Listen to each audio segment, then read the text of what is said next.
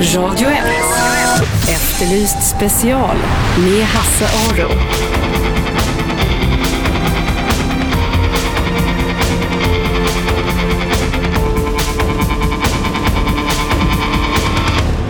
Välkomna hit till Efterlyst special denna torsdag, sista torsdagen före julafton och enligt eh, Maja-teoretikerna den sista torsdagen någonsin.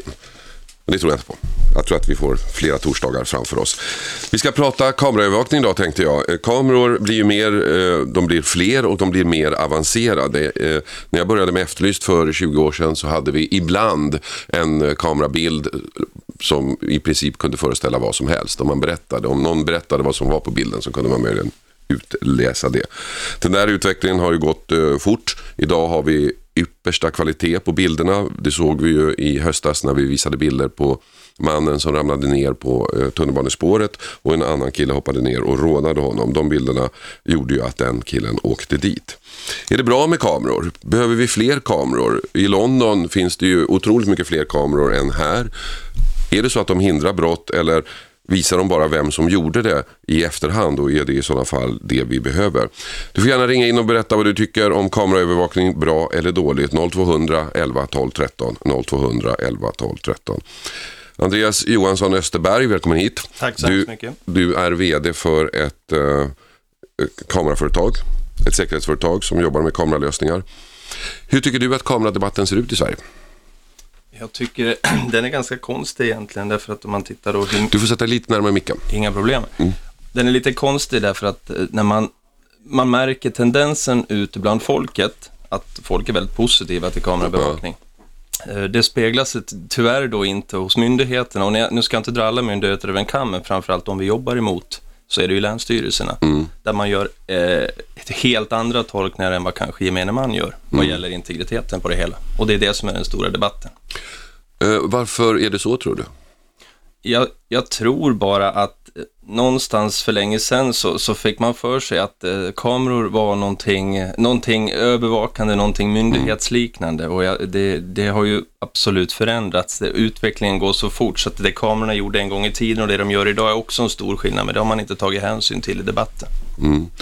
Alltså när, när debatten började så pratade man mycket om 1984. Ska, ska myndigheterna se eh, allt man gör?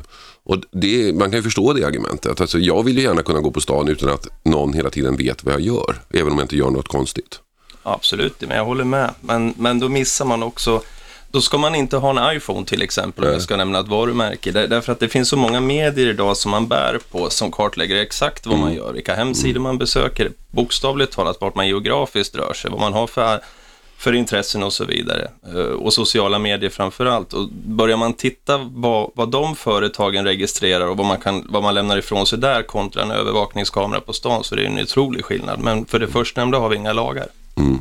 När man pratar om kameror så pratar man väldigt ofta om det som vi visar Efterlyst, det vill säga kameror som spelar in ett händelseförlopp och sen kan man visa upp en bild och så får man någon identifierad. Men det du jobbar med är mera kameror i realtid, alltså som filmar och där du, eller inte du personligen, men den som tittar på bilderna kan gå, prata med, förhindra saker som händer. Ja, precis. Och det där är också en stor skillnad därför att det är precis som du nämner, det finns ju då system som har till primär uppgift att spela in och registrera kanske en brottslig handling och, och det man gör där är att titta på materialet i efterhand för att försöka eh, bidra till en bra utredning. Det vi primärt gör är ju att kamerorna ska titta i direktsändning och vi sätter in en åtgärd i direktsändning och jag ska naturligtvis utveckla hur det går till. Men vad på vilket sätt, hur ser åtgärden ut? Man kan, man kan säga så här, för, för att göra det här väldigt enkelt, att eh, när kamerorna sätts upp, det kan vara befintliga kameror också, men det viktiga är att man belägger dem med, med det man kallar för intelligent videoanalys, det vill säga att i det här fallet så frågar vi kunden, vad är det vi ska detektera och larma? Och, och, och kunden svarar naturligtvis alltid likadant, jag vill inte att någon ska vara inne på mitt område när jag inte är här. Och, och det som händer då, det är att om någon tar sig in på kundens område eller nära upp på skolans tak eller vad det nu må vara, då larmar kameran och påkallar larmoperatörernas uppmärksamhet. Och, och då tittar operatörerna, vad är det som händer? Jo, nu är det någon som går upp på skoltaket. Och då gör man en åtgärd och den vanligaste åtgärden det är att man går ut via, via kamerans högtalarsystem. Det vill säga att man identifierar gärningsmannen, man talar om det, att du är gul skjorta, svarta byxor och kliv ner från taket, annars larmar vi väktare. Och är man inte lyhörd, då larmar man väktare och, och polis i vanliga fall som får avvisa dem eller gripa dem beroende på vad det är som har hänt. Det är klart de lägger ner. Ja, det Ja, men om man det- gör någonting och så är det en röst som kommer, så jag håller på med.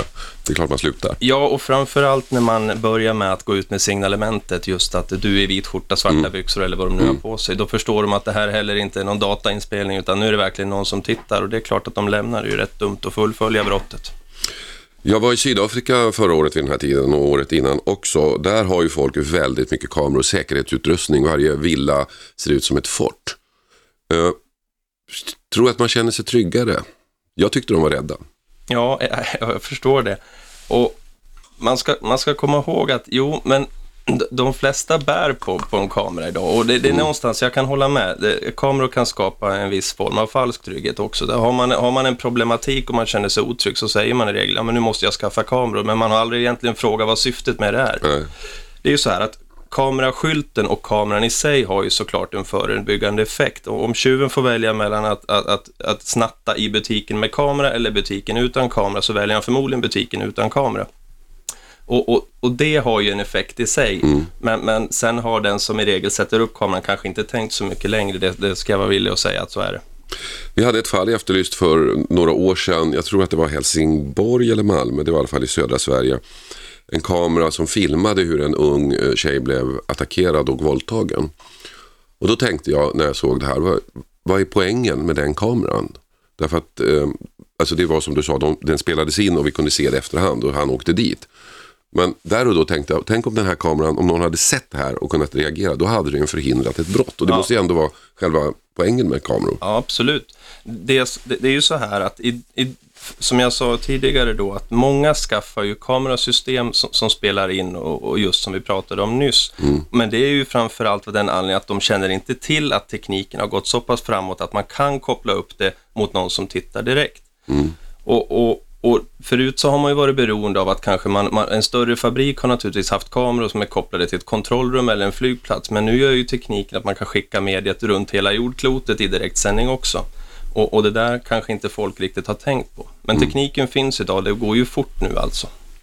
Ni lyssnar på Efterlyst special här i Radio 1. Vi pratar kameraövervakning, ett ämne som engagerar många. Det vet jag, vi har diskuterat det förut. Du får gärna ringa in och berätta vad du tycker. 0200 11 12 13. Jag sitter här med Andreas Johansson Österberg som är VD för ett bolag som jobbar just med kameror, kameror i realtid, alltså som filmar om man tittar på när någonting händer. Hallå, vem har vi där? Hej, det här är Marie. Hej Marie! Jag tycker det är jättebra med kameror. Tycker du det? Skolor till exempel. Ja. Eh, alltså, för det första är det ju jättemycket eh, skadegörelse Mm. i skolor.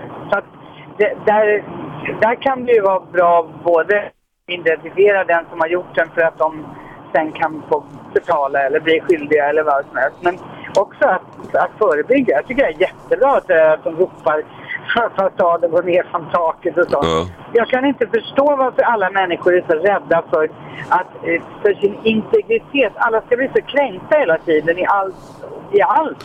Men vad, vad, vad tror du att det beror på? Vad tror du beror, alltså många är ju väldigt positiva till kameror, det vet ju jag. Eh, men det finns ändå ett motstånd. Vad tror du att det här motståndet består i? Alltså, jag, jag, jag tror att det är... Jag kanske det här med storebror då. Mm. Att man är rädd att, att staten ska liksom nästan bli Sovjetstat. Ja. Alltså att, att vi, vi inte har någon frihet överhuvudtaget. Men jag tycker väl att... Jag känner mig trygg om jag vet att det är kameror i tunnelbanor och sånt när man ska hem på kvällen. Mm. Men, Men, Marie, får jag fråga dig en sak? Jag tror att du är en en hedlig medborgare, men du har väl någon gång gjort någonting som du inte är riktigt stolt över? Eh, som du inte vill att dina närmaste ska veta? Och dina möjligheter att göra det liksom blir ju mindre om, om någon ser dig hela tiden. Fast jag har faktiskt inte gjort det. Jag har snott en chokladrulle i en Nettobutik. Ja, men jag menar inte något olagligt. Jag menar du har kanske träffat någon som inte du borde träffa och så. Förstår du vad jag menar? Att vi vill ju alla ha en möjlighet till en privat sfär. Fast jag tror väl inte att vi kanske kommer dit att vi ska ha kameror precis överallt. Men jag tycker på sådana här ställen som till exempel tunnelbanesystemet, Mm. pendeltågsstationer, skola, eh, sådana ställen där det är för allas trygghet på något sätt. Mm. Sen Mitt i stan eh, kanske det inte händer så mycket. Jag vet inte, ute i förorter och så. Det kommer, vi kommer aldrig komma ihåg att det, att det blir helt händelselöst. Nej. Alltså det kommer alltid hända grejer. Men i de här där det rör sig många människor på samma ställe och samlingar och så. Där tycker jag att det vore jättebra med kameror överallt faktiskt. Okej är Marie, tack för att du ringde. Jul. Hej då, god jul på dig. Eh, Andreas Johansson Österberg här som är vd för ett säkerhetsföretag. När vi pratar om kamerautveckling och integritet så finns det en aspekt som jag tycker inte riktigt alltid framkommer. Man tror att ju fler kameror desto mindre integritet men det är ju nästan tvärtom för att vem ska, vem ska hinna titta på alla dessa kameror? Nej, så, så är det. Jag håller med dig och det det, och det är därför jag, jag försöker belysa det här med dagens teknik och intelligent videoanalys. Det är ju så här att kamerorna som sitter idag, om man tittar på de modernare systemen, de är inställda att spela in särskilda händelser. Det vill säga, även om kameran kanske tittar över en hel skolgård, så, är- så är det inte det som spelas in, utan det som spelas in, det är till exempel om någon närmar sig fasaden och uppehåller sig vid fasaden längre än, säg, tre eller fem eller tio sekunder, vilket kanske man kan anse är lite onormalt klockan tre på natten. Då går kameran i larmläge och det är då vi tittar. Och den analysen kan ju ta allt mellan 3 och 15 sekunder och, och titta att okej, det är någon som bara rastar hunden eller det är någon med ryggsäck som tar fram en sprayburk. Det dokumenteras och det filmas och det är det som åtgärdas. Alla som går över skolgården, det- de, de kan fortsätta vandra. Men om det är en, ett hypotetiskt exempel, det är ändå jul snart. Om det är någon som träffar sin älskarinna för en kärleksstund på skolgården, hur reagerar väktaren då? Ja, alltså så är det ju. Så Väljer man att sitta och pussa med någon, med någon grannfru på taket så kommer man att bli filmad och man kommer förmodligen också få höra på dalmål hur man ska kliva ner från taket. Men, men det är ju inte material sen som bränns ut och skickas till Nej. någon. Utan det, det är inte Men på själva skolgården, får man pussas där? Man får pussas vad man vill, men, men det faller inte un, under, under det som, som för, sen föranleder en Nej. åtgärd åt bandat material. Så är det ju. Mm. Men det är väl där lite grann så debatten ligger. Jag menar, vi, vi gör som jag sa till Marie, vi har ju alla en, en hemlig sida som vi vill behålla hemlig. Och det är väl kanske det som gör att folk blir oroliga. Möjligheten att, jag menar, om jag är på tunnelbanan i, i morgon klockan 12 så kanske jag inte borde vara där. Och det vet ingen annan förutom jag, att här borde jag inte vara för jag borde vara på jobbet eller jag har sjukskrivit mig eller någonting. Absolut, och jag förstår hur du menar. Och, men, men man kan ju också dra det här till sin spets. Om vi nu säger att det är så att kamerorna verkligen dokumenterar alla som gör mm. såna, sån typ av verksamhet och dessutom lägger ut det på publika hemsidor för att dra det här extremt till sin spets. Så det är ju fortfarande vågskålen som ska avgöra om kameran ska sitta där. Ja. Har vi problem med våldtäkter, ingång, tunnel i Göteborg, så, så kanske det då är viktigare att försöka stoppa våldtäkterna och då får man stå ut med att man, man inte får pussa grannfrun i just den gångtunneln. Så, så enkelt är det tycker När vi jag. har bilder i Efterlyst, då gör vi alltid så att vi maskar alla som inte är inblandade i händelsen. Därför, av just det skälet. Ja, men de kanske är på väg till jobbet och är helt normalt, men de kanske inte är det. Absolut. Fast alla andra tror att de är det. Ja, men det är ju så. Och, och, men nu, nu är ni också ett program som sköter sig. Jag kan Mm. ju ta det andra partiet och säga att alla kanske inte gör det. Nej. Men, men så är det ju. Om det är en misstänkt gärningsman i rulltrappan man vill hänga ut av någon anledning för att få en utredning framåt så är det ju, det som är i bakgrunden är ju då ointressant Mm. för tv-tittarna. Och, och sköter man det så, så så är det ju inga problem. Och jag tycker det är snarare där kameralagstiftningen ska titta Mm. snarare än vart kameran sitter. Okej. Ni lyssnar på Efterlyst special. Jag sitter här med Andreas Johansson Österberg som är säkerhetsexpert och driver ett företag som sysslar med kameraövervakning. Kameror, bra eller dåligt? Ring in och säg vad ni tycker. 0200 11 12 13. Vi ska ta lite reklam, men jag tar samtal under pausen. Radio 1. Efterlyst special med Hasse Aro.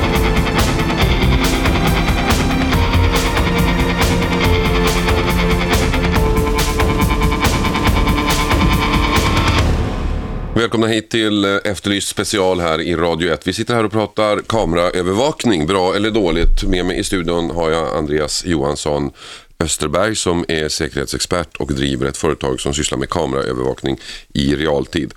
Vad tycker ni? Bra eller dåligt? Ring gärna 0200 11 12 13. 0200 11 12 13.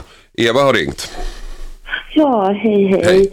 Eh, Jag tycker att eh, man ska utöka den här kameraövervakningen faktiskt. För att nu är jag en äldre kvinna va, men jag känner ändå obehag när jag går ut med min vovve efter klockan tio på kvällen. Och, och, och det, man går en liten parkväg runt och, och, och sådär. Och, och liksom känner sig lite småskraj. Och så tänker jag ju ofta då på de här yngre tjejerna som går från bussen hem den här vägen. Alltså att, att sätta upp kameror på, på sådana ställen skulle ju vara väldigt, väldigt tryggt alltså när man går ut på kvällen. För även om ingen vill våldta just mig så kan de ju råna mig på Canada Goose-jackan eller på mobilen eller någonting annat. Och, och Men du, var, var, var går gränsen då, tycker du? När, när, när är det för mycket kameror? Var vill du inte ha en kamera? Nej, jag tycker inte att det blir för mycket kameror. Jag menar, du, du rör dig ute och alla människor ser ju vad du har för dig i alla fall. Så vad spelar det för roll? Vad är man rädd för? Att, att någon ska se att man petar sig i näsan eller kliar sig i baken? Vad är man rädd för? Ja, till exempel. Ja, det, det, det behöver ju inte... Har man rent mjöl i påsen så behöver man ju inte bry sig om om det är en kamera som ser en. Nej, Men, men, men det där argumentet hör man ofta. Och Då måste jag säga att med det argumentet kan man sätta kameror överallt, även i sitt eget sovrum. Nej men eh, det är väl ingen som kan gå in och sätta kameror i mitt sovrum. Om någon vill vara otrogen då så ska de inte vara, behöva vara rädda för att de blir synliga. Eh, De kan väl gå hem och pussas. Ja. Men jag menar, de, de, de filmerna som filmas, det, de filmas ju bara upp när det händer något. De skickas ju inte till ens eh, man eller fru. Nej. Titta vad din eh, fru har gjort här nu. Det, jag tycker att det skulle vara så tryggt att ha kameror överallt. Liksom. Okej, Eva, tack för att du ringde. Tack, Vi ska tack. höra vad Ari säger. Han har gett upp. Då har vi Anders här. Hallå Anders? Hallå, ja. Ja, Tjena. nu är det du. Ja, det är jag det. Ja. Ja, men eh, jag har ju varit... Eh, ja, hej. Vad hette han som var där nu? Eh, Andreas. Andreas. Eh, jag tycker det är bra med kameror i och för sig, för jag har ju varit i London rätt många gånger. Mm. Men jag tycker att det är bra att de har... Eh, pubbarna speciellt. Ja. Men, du, men, men är London en säkrare stad än Stockholm? Man känner sig säkrare när man går runt. Alltså, man är på puben och man går runt i stan så känner man sig säkrare. Det är väl tack vare kamerorna förmodligen. Tror, tror du det? Det är väl förmodligen en falsk säkerhet, men i alla fall. Alltså jag, jag har varit i London mycket och jag känner mig också säker i London men eh, jag är inte säker på att det beror på kamerorna utan mer på folket. Ja, det kan det väl vara också, folket. Men man har ju de där kamerorna med sig. Mm. Jag vet ju, jag var ju på en pub där i, i London och skulle kolla på fotboll. Mm. Och eh, helt plötsligt så stod det ju ja, fyra piket. Det var ju inget bråk inne på, på puben så att säga. Mm. Men så stod det ju fyra stycken, tre, nej två stycken, två piketer utanför med såna här galler över fönstren och grejer. Men de stod bara utanför. Mm. Men så gick det ut en kille därifrån. Och då följer de bara efter honom. För förmodligen så har de ju sett honom att han var inne på puben där och han var väl lyst. Mm. Ja, Då vet de ju var han ska åka någonstans. Okej. Honom. Anders, tack. Andreas, känner, till, känner du till London, situationen i London? Ja, jag, För det är ett exempel man ofta tar upp. Det tycks ju vara en av de kameratätaste städerna i världen. enligt de senaste utredningarna ska jag bara säga att Danmark håller på att gå om. Alltså, ja. Men, men, men så är det ju. Jag pratade med polisen, några poliser i London, och så bad jag dem beskriva syftet med kamerorna. Jag kan ju förstå, eller ana vad syftet är, men jag lät dem beskriva det. Och då sa de det att vi har en poliskår som är begränsad, precis som i alla andra städer runt om i världen. Skillnaden hos oss är att vi har operatörer som sitter och hjälper till via kamerorna. Så ser de att det börjar bli ett problem i ett gathörn så kan de skicka dit polisbilen. Därför att där kan en polis sitta och titta på flera hundra gathörn samtidigt och det kan inte en patrull göra. Så, så det är klart de har nytta av det. Men har, sitter de då i realtid? Ja, det som skiljer det, det jag kallar för Londonbevakningen mot till exempel det, det vi gör, börjar göra här i Sverige nu, det är att där sitter man faktiskt och tittar manuellt. Man har fantastiskt mycket personal och ofta statligt eh, betald personal som sitter och faktiskt tittar på skärm efter skärm efter skärm. Man jobbar inte så mycket med videoanalys i realtid. Nej. Medan vi gör det här i Sverige och då, så ska vi prata integritet så lika många kameror i Stockholm som i London skulle vara mindre int- integritetskränkande här i Sverige med den teknik vi har. Säger alltså Andreas Johansson Österberg som är säkerhetsexpert och driver ett företag som sysslar med kameraövervakning. Vad tycker du som lyssnar? 0200 11 12 13. Vem har vi där? Mattias heter jag. Hej Mattias, du får dra ner radion. Ja, jag gjorde det. Ja, Eh, det man, jag tror att de flesta är ganska eh, tvetydiga när, när det gäller kameraövervakning. Eh, och det finns ju två stadiga arg- argument. Och det, ena, är- ena för den ena sidan är ju att eh, man eh, eh, går in på integriteten och stör den. Mm. Och den andra är ju då att, eh, eh, eh, att man känner sig mer skyddad och det blir mer säkert och så vidare. Mm. Och och det går inte att säga emot någon av de där två egentligen. Nej. Men det man, det man bör tänka på, tycker jag i alla fall, Mm. vad händer i förlängningen? Mm. Vad tror du, vad, vad ligger faran där? Jag anar att du ser en fara. Ja, absolut. I och med att eh, om myndigheter har för mycket kontroll på Mm. dig så tror jag att det blir en fara i samma slag som nazismen och kommunismen. Mm. Men handlar det inte lite grann om vem som tittar? Jag menar en kamera i London och en kamera i eh, Nordkorea är ju samma teknik men olika syften. Eh, olika syften, det är vad man förmedlar ut. Ja. Vad är det man vill egentligen? Mm. Det är det man, eh, tycker jag, ska också tänka på. Så att man inte... För att, det vet ju alla. Alla människor är sig själv närmast. Mm. Varför vill, har man kameran för service skull, alltså för folkets skull, Mm. eller har man kameran för sig själv? För, Alltså- för myndighetens skull. Ja, exakt. Ja. Och i och med att alla människor är själviska i grunden och alla politiker är som alla andra människor, vill göra karriär och så vidare. Mm. Du, jag förstår vad du menar. Eh, Jag måste avsluta för att vi ska ha reklam. Tack för att du ringde. Tack själv. Andreas, det här sista. eh, Alltså, en kamera är ju bara en manik. Så är det ju. Och den, det är den som tittar egentligen som avgör hur kameran används. Det tycker du och jag, men eh, när man tittar på nya kameralagstiftning så är det inte det man så tar hänsyn till. Man är fortfarande väldigt fixerad på vart ska kameran sitta snarare än vad vi gör med materialet. Det är problemet. Okej, tack för att du kom hit Andreas. Vi har alltså pratat kameraövervakning, Efterlyst special. Eh, Det är vi klara med nu. Nu blir det nyheter, reklam och efter det ett helt annat ämne. Nämligen det kanske mest uppmärksammade inslag som jag har gjort i det här programmet. Den mest uppmärksammade intervju. I alla fall den mest nedladdade. Så missa inte det efter pausen. Radio 1. Efterlyst special med Hasse Aro.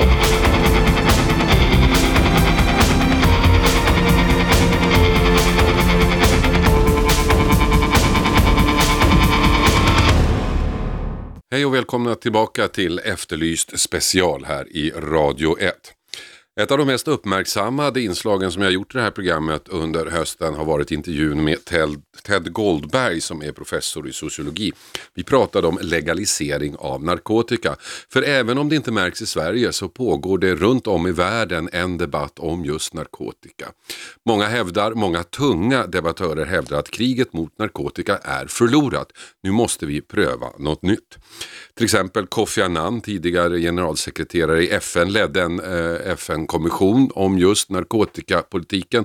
De kom fram till att det här går inte längre, vi har förlorat. Vi måste sluta se på narkotika som ett eh, brottslighetsproblem, som ett kriminellt problem och se det istället som ett informations och hälsoproblem, sa han i eh, en intervju i radio för en tid sedan. Ted Goldberg har eh, engagerat sig mycket i narkotikadebatten och jag tycker det är intressant med debatter som inte alltid riktigt får plats men som kanske är stora utomlands. Så jag bjöd hit Ted Goldberg och bad honom lista argumenten för att det är dags att byta narkotikapolitik. Argumenten som visar att den politik vi har kört har varit misslyckad. Och han hade med sig en lista och så här lät den. Vi börjar med rekrytering. Poängen med svenska narkotikapolitiken är ju att minimera rekrytering till konsumtion. Så hur har vi lyckats med det? Ja, för det första kan vi säga att en av, av sex 18-åringar i Sverige har erfarenhet av narkotika. Om vi tittar i åldersgruppen 15 till 64, det vill säga i princip den arbetsföra befolkningen, så ligger vi över det europeiska genomsnittet. Cirka en miljon människor i Sverige har brutit mot narkotikastrafflagen, alltså en miljon. Och eh, andelen, andelen problematiska konsumenter, alltså tunga missbrukare, ligger i Sverige på samma nivå som den liberala Nederländerna. Ungefär fyra, eh, fyra per tusen i befolkningen. Så vi har inte alls lyckats eh, hindra nyrekrytering, inte bättre än någon annan. Vad det gäller tillgång som är mitt nästa ämne Mm. så har vi inte lyckats bättre där heller. Ja, att reducera tillgången alltså. Ja, det är tvärtom. Den, den bara ökar. Eh, Enligt CAN, Centralförbundet för alkohol och narkotikaupplysning, så är det drygt hälften av 16 till 24-åringar i Sverige som uppger att det är lätt att få tag på narkotika i deras närområde. Det är mer än hälften. Eh, tillgång på cannabis, amfetamin, kokain har ökat stadigt sedan 1980-talet. Narkotikapriserna har gått ner högst väsentligt sedan 1988. De drogerna som säljs nu har en högre renlighet än vad de hade då. Då det är mer lönsamt att, eller det är lättare att smuggla starkare droger än svaga, för att man, bör, man behöver inte smuggla så stora mängder. Då blir det att utbudet på vår, vår marknad är att istället för att vi har opium så har vi heroin. Istället för kokablad har vi kokain. Eh, Istället för marijuana har vi hash. Så vi uppmuntrar starkare varianter. Droger finns att köpa även i mindre svenska tätorter nu för tiden. Internethandeln handeln ökar och jag vill gärna betona det där med internethandeln därför att man har ingen aning vad man köper när man köper över internet. Det är riktigt farligt. Men eftersom vi insisterar och försöker göra det så svårt som, som möjligt för folk, då är det en del, speciellt ungdomar som går ut på internet och köper där, ökar riskerna. Min, som en, så att säga, en stor bild av alltihopa, vi har inte och inte heller kan skaffa oss kontroll över någon del av till, tillgångskedjan. Och med tillgångskedjan menar jag först produktion. Eh, världen har försökt komma underfund med hur vi ska få minska produktion i världen. Men varje gång man slår ner på ett område så poppar det upp på ett annat område. Så exempelvis när vi lyckas få den gyllene triangeln att sluta producera så, producera så mycket opium, ja, de flyttade den till Afghanistan. När talibanerna i Afghanistan sa ingen mer, då flyttade den till Pakistan. När tal- talibanerna sa okej, ni får producera, flyttade den tillbaks igen. Alltså, så det går inte. Vad det gäller smuggling så det är för mycket ekonom- ekonomiska anledningar för varför folk skulle smuggla. Det är för många fattiga människor som skulle göra vad som helst för att få en inkomst. Och om man ser till smugglingsmetoderna som används, det går inte att stoppa dem. Jag tar bara ett exempel för att belysa detta.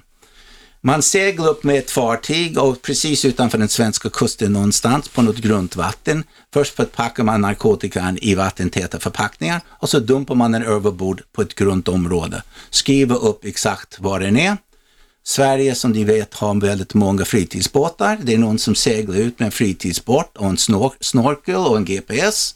Dyker ner, hämtar upp den och seglar in i någon liten småbåtshamn och då är knarket i land. Och hur ska, hur ska vi, Sveriges kust är 290 mil lång, hur ska vi kunna skydda det? Och sen vad det gäller langning så kan vi säga att sen 1980 har vi ökat antalet polisresurser mot langning med 450 procent. 450 procent. Ändå är det så att tillgängligheten har ökat under hela perioden. Och jag, kan, jag ska verkligen säga det på ett tufft sätt, vi kan inte ens hålla våra fängelser narkotikafria. Hur ska vi hålla hela landet narkotikafritt? Så hur vi än gör så kommer narkotika att finnas i landet och det är lika bra vi accepterar det. Mm. Ni lyssnar på Efterlyst special och den ni hör är professor Ted Goldberg. Jag bjöd in honom för en tid sedan för att han skulle lista de argument som används utomlands i debatten för legalisering av narkotika. Den debatten går ju ganska hög utomlands och i USA så var det ju två delstater som röstade för legalisering i samband med presidentvalet. Till och med Kofi Annan, förre generalsekreteraren i FN, säger att kriget mot narkotika är förlorat. Nu är det dags att eh, göra något annat. Ted Goldberg menar att trots vår hårda politik i Sverige så har varken rekryteringen minskat till, eh, narko- eh, till narkotika, inte heller har tillgången minskat. Han menar att när det gäller dödsfall så har det heller, är det heller ingen skillnad i Sverige jämfört med länder som har liberalare lagstiftning. 2010 var det 420 narkotikarelaterade dödsfall i Sverige. Det ligger över 400 varje år nu för tiden. Eh, det är fem gånger högre än de som dog genom mord och dråp i Sverige. Och det är nästan lika många som dog i trafiken. Bara för att ge ett exempel på hur högt den här mm. siffran är. Och per capita har vi nästan dubbelt så många narkotikarelaterade dödsfall som Nederländerna med sin liberala drogpolicy. Menar du att det då är ett resultat av vår politik? Ja, ja, att ja. folk dör för att, de, att det här inte är kontrollerat? Det, delvis det, ja. Okej, nästa frågan är då vård. Hur fungerar vår vård? Ja, egentligen vet vi inte, därför att vi undersöker inte det. För att eh, vi vet faktiskt inte hur... Vård av narkotikamissbrukare Ja, menar att ja. få dem att sluta? Ja, vi vet inte hur det funkar. Vi vet inte hur institutionsvården fungerar, vi vet inte hur öppenvården fungerar. Vi, det lilla vi har om tvångsvården är inte särskilt positivt. Eh, däremot, det vi har utvärderat är substitutionsbehandling eller läkemedelsassisterad behandling. Det har vi utvärderat och det visar sig ha väldigt bra resultat. Men det finns en oerhört ideologiskt motstånd mot det för att de menar att man byter bara en sorts narkotika mot en annan. Men jag säger att man byter ett ovärdigt liv mot ett värdigt liv och det kanske är värt någonting. Men ändå ser vi just nu är det nästan som en kampanj inom Sveriges Television emot substitutionsbehandling som försiggår. Ni lyssnar på Efterlyst special och den ni hör är professor Ted Goldberg som jag bjöd in för en tid sedan. Därför att jag var nyfiken på debatten om legalisering av narkotika. Det är en debatt som pågår med en ganska hög intensitet utomlands. Eh, Två delstater i USA röstade ju för legalisering av lättare narkotika i samband med presidentvalet nu för en tid sedan. Kofi Annan som är eh, tidigare generalsekreterare i FN har ju lett en kommission i FN om narkotika och deras slutsats är att narkotikakriget är förlorat. Vi måste hitta andra metoder. Och en metod skulle alltså vara att legalisera lättare narkotika. Ted Goldberg, eh, när han var här, argumenterade för eh, eh, varför legalisering kan vara ett alternativ och framförallt argumenterade han för varför han tyckte att den nuvarande politiken inte fungerar. Han menar att rekryteringen fortfarande är hög när det gäller nya narkotikamissbrukare. Tillgången är hög på narkotika, antalet dödsfall är hög trots att vi har så hårda regler alltså. Och vården av narkomaner funkar inte heller. Och det här menar han, det är ju effekter som drabbar narkomanerna själva. Men det finns ytterligare en effekt av narkotikakriget som han menar drabbar oss alla. Nämligen urholkningen. I kampen mot narkotika så urholkas allas våra fri och rättigheter. Ja, vi har varit så måna om att vi ska bli av med narkotika att vi har varit beredda att ta till extraordinära åtgärder. Så exempelvis på 70-talet bestämde vi oss för att vi skulle ha telefonavlyssning för att det skulle sätta dit de stora knarklangare. Eh, när det inte funkade då bestämde vi oss för att okej, då får vi ta med ännu hårdare handskar. Och det senaste tillägget till detta att vi har nu övergått till att tillåta buggning. Men buggning är bara tillåtet för tillfället. Eh, men nu har det kommit en, eh, en SOU under ledning av Sten Heckscher som föreslår att den ska permanentas. Och som en JO sa en gång, buggning är inte bara en ökning av telefonavlyssning, Bug, buggning är en, kvant, är en kvalitativ skillnad. Eh, sen skulle jag säga att eh, vi har en hel, an, hel batteri med eh, åtgärder som hotar våra fri och rättigheter. Jag ska bara nämna några av dem. Vi har eh, urholkat reglerna för husrannsakan. Vi använder hemliga tvångsmedel, hemliga telefonspaning, vi bevis och brottsprovokationer på tapeten. Vi har sänkt beviskrav för fällande dom i narkotikamål. Det är riktigt skrämmande. Och eh, okej, man kan säga att det måste finnas en balans mellan å ena sidan skydda oss själva och å andra sidan skydda, skydda våra fri och rättigheter. Och man kan tänka sig att för var och en av de här åtgärderna som jag nämnde, om man bara ser den för sig så kanske tycker man det är okej om man inför den. Men om man tar allihopa sammanlagt så kanske blir bedömningen en annan. Det börjar bli riktigt ett hot mot, mot våra fria rättigheter. Och det värsta är att det inte, det inte gett oss någonting. Vi har inte fått någonting tillbaks för det. Och sen kanske en sista punkt som jag tar upp. Eh, vad är de internationella effekterna av prohibition av den sortens narkotikapolitik som vi har? Eh, det första är vapen. Eh, att byta droger mot vapen är mycket välkänt. Och eh, vad man kan säga är att nästan alla terrororganisationer bekostar en hel del av sin vapeninköp med hjälp av drogpengar. Och eh, de här drogkartellerna som finns i vissa länder har blivit så stora så de har blivit en stat i staten. De hotar staten rent ut sagt. Mm.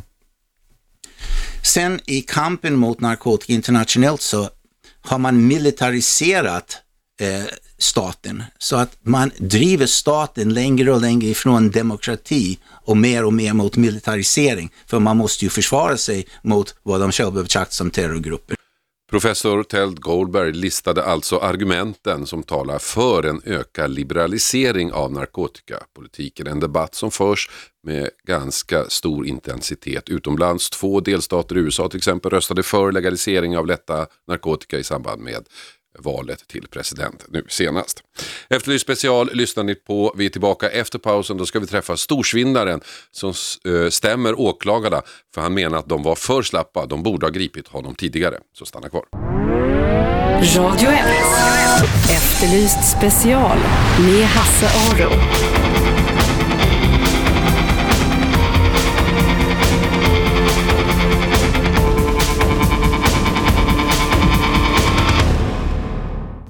Välkomna tillbaka till Efterlyst special. Vi ska höra nu på en något kortare version av en intervju jag gjorde tidigare under säsongen här i programmet. Den med storsvindlaren Torgny Jönsson.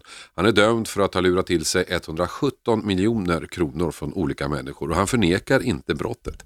Däremot menar han att han kunde ha stoppats tidigare. Att polis och åklagare hade bevis mot honom eh, redan på ett tidigare stadium och därmed kunde gripit in och förhindrat ytterligare brott. Det här vill han nu ha prövat i domstol så han har nu anmält de åklagarna och försöker få dem åtalade för att de stillasittande eh, tittade på när han begick andra och nya brott. Trots att man redan i maj 2008 ansåg att det fanns tillräcklig bevisning för det jag ägnade mig åt var bedrägligt så satt man därefter under fem månader och lyssnade till hur jag enligt deras egen uppfattning lurade till mig ytterligare cirka 30 miljoner utan att ingripa. Mm. Den, den primära konsekvensen av det här är givetvis att personer och företag drabbades av förluster. Men sekundärt så innebär deras brott mot objektivitetsplikten och deras sätt att använda sig av den här eh, icke-konventionella metoden som intermistisk passivitet är. Alltså konsekvensen av deras handlande blev att jag är sekundärt att anse som målsägande. Därför jag har också drabbats på det sättet att om de hade ingripit tidigare så hade, eller rättare sagt om de hade ingripit när de skulle ha ingripit så hade jag inte, då hade aldrig de här brotten begåtts och då skulle jag inte heller lagförts för de brotten. Mm. Eh, så du menar att eh, konsekvensen av att de inte ingrep blev att fler blev drabbade och du också kan man säga? Ja, alltså enligt, enligt det synsätt som har antagits genom Högsta domstolens plenavgörande så är, så är jag också att anse som, som drabbad av deras sätt att sköta den här förundersökningen. Mm. Många som lyssnar på det här kan nog tycka att det här är juridiska spetsfundigheter och eh, du har gjort det du har gjort och du får stå ditt kast. Vad säger du om den eh, synpunkten? Alltså ja, det här handlar inte om skuldfrågan i det målet där jag dömdes överhuvudtaget. Jag använder inte det här på något sätt för att rentvå mig själv. Istället så handlar det här om att rikta uppmärksamhet mot alla de formella fel och överträdelser av objektivitetsplikten som inträffar i vissa typer av förundersökningar. Och då är det i de förundersökningar där man utgår från en redan på förhand bestämd slutsats och sen uteslutande ägnar sig åt att samla ihop bevisning som styrker den förutbestämda slutsatsen. Så för mig är det här inte pro primo ett sätt att, att uh, varken rentvå mig själv eller komma, komma framåt på något annat sätt än att jag tycker att, att det är dags att rikta ljuset mot hur åklagare och polis bedriver förundersökningsarbete. Och, och i de lägen där de inte ha, handlar schysst så ska de också stå till ansvar för det. Ni lyssnar på Efterlyst special och den ni hör är Torgny Jönsson. Han är dömd för att ha svindlat människor på 117 miljoner kronor. Och Torgny har nu försökt åtala de åklagare som stämde honom. För enligt Torgny Jönsson så eh, begicks många av de brotten som han är dömd för i onödan. Han menar att polis och åklagare redan efter några dagars avlyssning hade tillräckligt med bevis för att gripa honom. Men istället fortsatte man att lyssna på honom i flera månader och därmed begicks en del brott i onödan menar Torgny Jönsson. Åklagaren har lagt ner hans begäran att få stämma de som åtalade honom så nu går han istället vidare med enskilt åtal. Jag kan säga att det här är ju, det här är ju, så fungerar ju Riksenheten för polismål. Eh, Riksenheten för polismål har ju i, i, i media och i andra sammanhang beskrivits som nedläggningsenheten. Man är alltså inte intresserad. Det, det finns ett problem när man kommer i den situationen att poliser ska utreda poliser.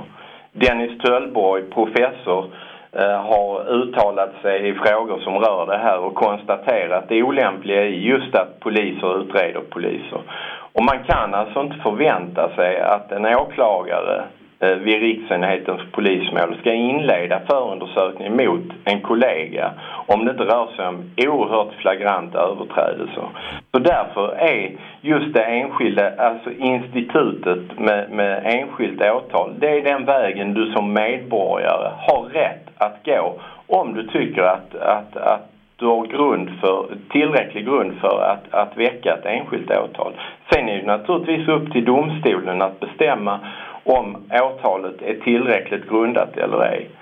Men som exempel på det här kan jag ju ta eh, att, att jag har alltså vid ett tidigare tillfälle i, vad gäller just den här utredningen som, eh, där jag nu påstår att åklagaren inte ingrep i tid. Där har alltså två av Ekobrottsmyndighetens ledande utredare fällts för tjänstefel, om än ringa tjänstefel, men trots det genom ett enskilt åtal som jag väckte. Mm. Om du nu skulle vinna det här målet, vilka konsekvenser skulle det få? Ja, alltså först och främst så hoppas jag ju att det får den konsekvensen att, eh, att eh, man i framtiden hanterar eh, förundersökningar på ett för alla parter mer rättssäkert sätt. Det, för min egen del så får det inga, eh, inga konsekvenser överhuvudtaget eftersom jag kommer friges från det här straffet om eh, snart mindre än tio månader. Mm. Eh, men, men när man i en brottsutredning som rör ekonomiska frågor använder sig av den här interimistiska passiviteten som egentligen handlar om, eh, och det tror jag nog att du känner till, om kontrollerade leveranser vid narkotikaaffärer. Mm. Man kan låta en affär genomföras för att, för att kunna få personer som är inblandade lagförda. Mm. När man tillämpar det utan att, att fundera över konsekvenserna på det sätt som man gjort från Ekobrottsmyndighetens sida, då, då, brister man, alltså då brister man i sitt ansvarstagande. Och när det gäller just det här så är det faktiskt så att JK har för närvarande en utredning igång med skadeståndsanspråk från mina målsägare som grundar sig på exakt det som, som mitt enskilda åtal mot de båda åklagarna grundar sig på. Nämligen att Ekobrottsmyndigheten visste vad som pågick, satt med armarna i kors och tyckte att det var okej okay att allmänheten skulle ställa upp med 30 miljoner kronor för att få en fällande dom mot mig. Storsvindlaren Torgny Jönsson om varför han väljer att försöka åtala de åklagare som väckte åtal mot honom. Han menar att eh, många av de brott han begått kunde ha stoppats om de agerade tidigare. 101,9 Radio 1 Sveriges nya pratradio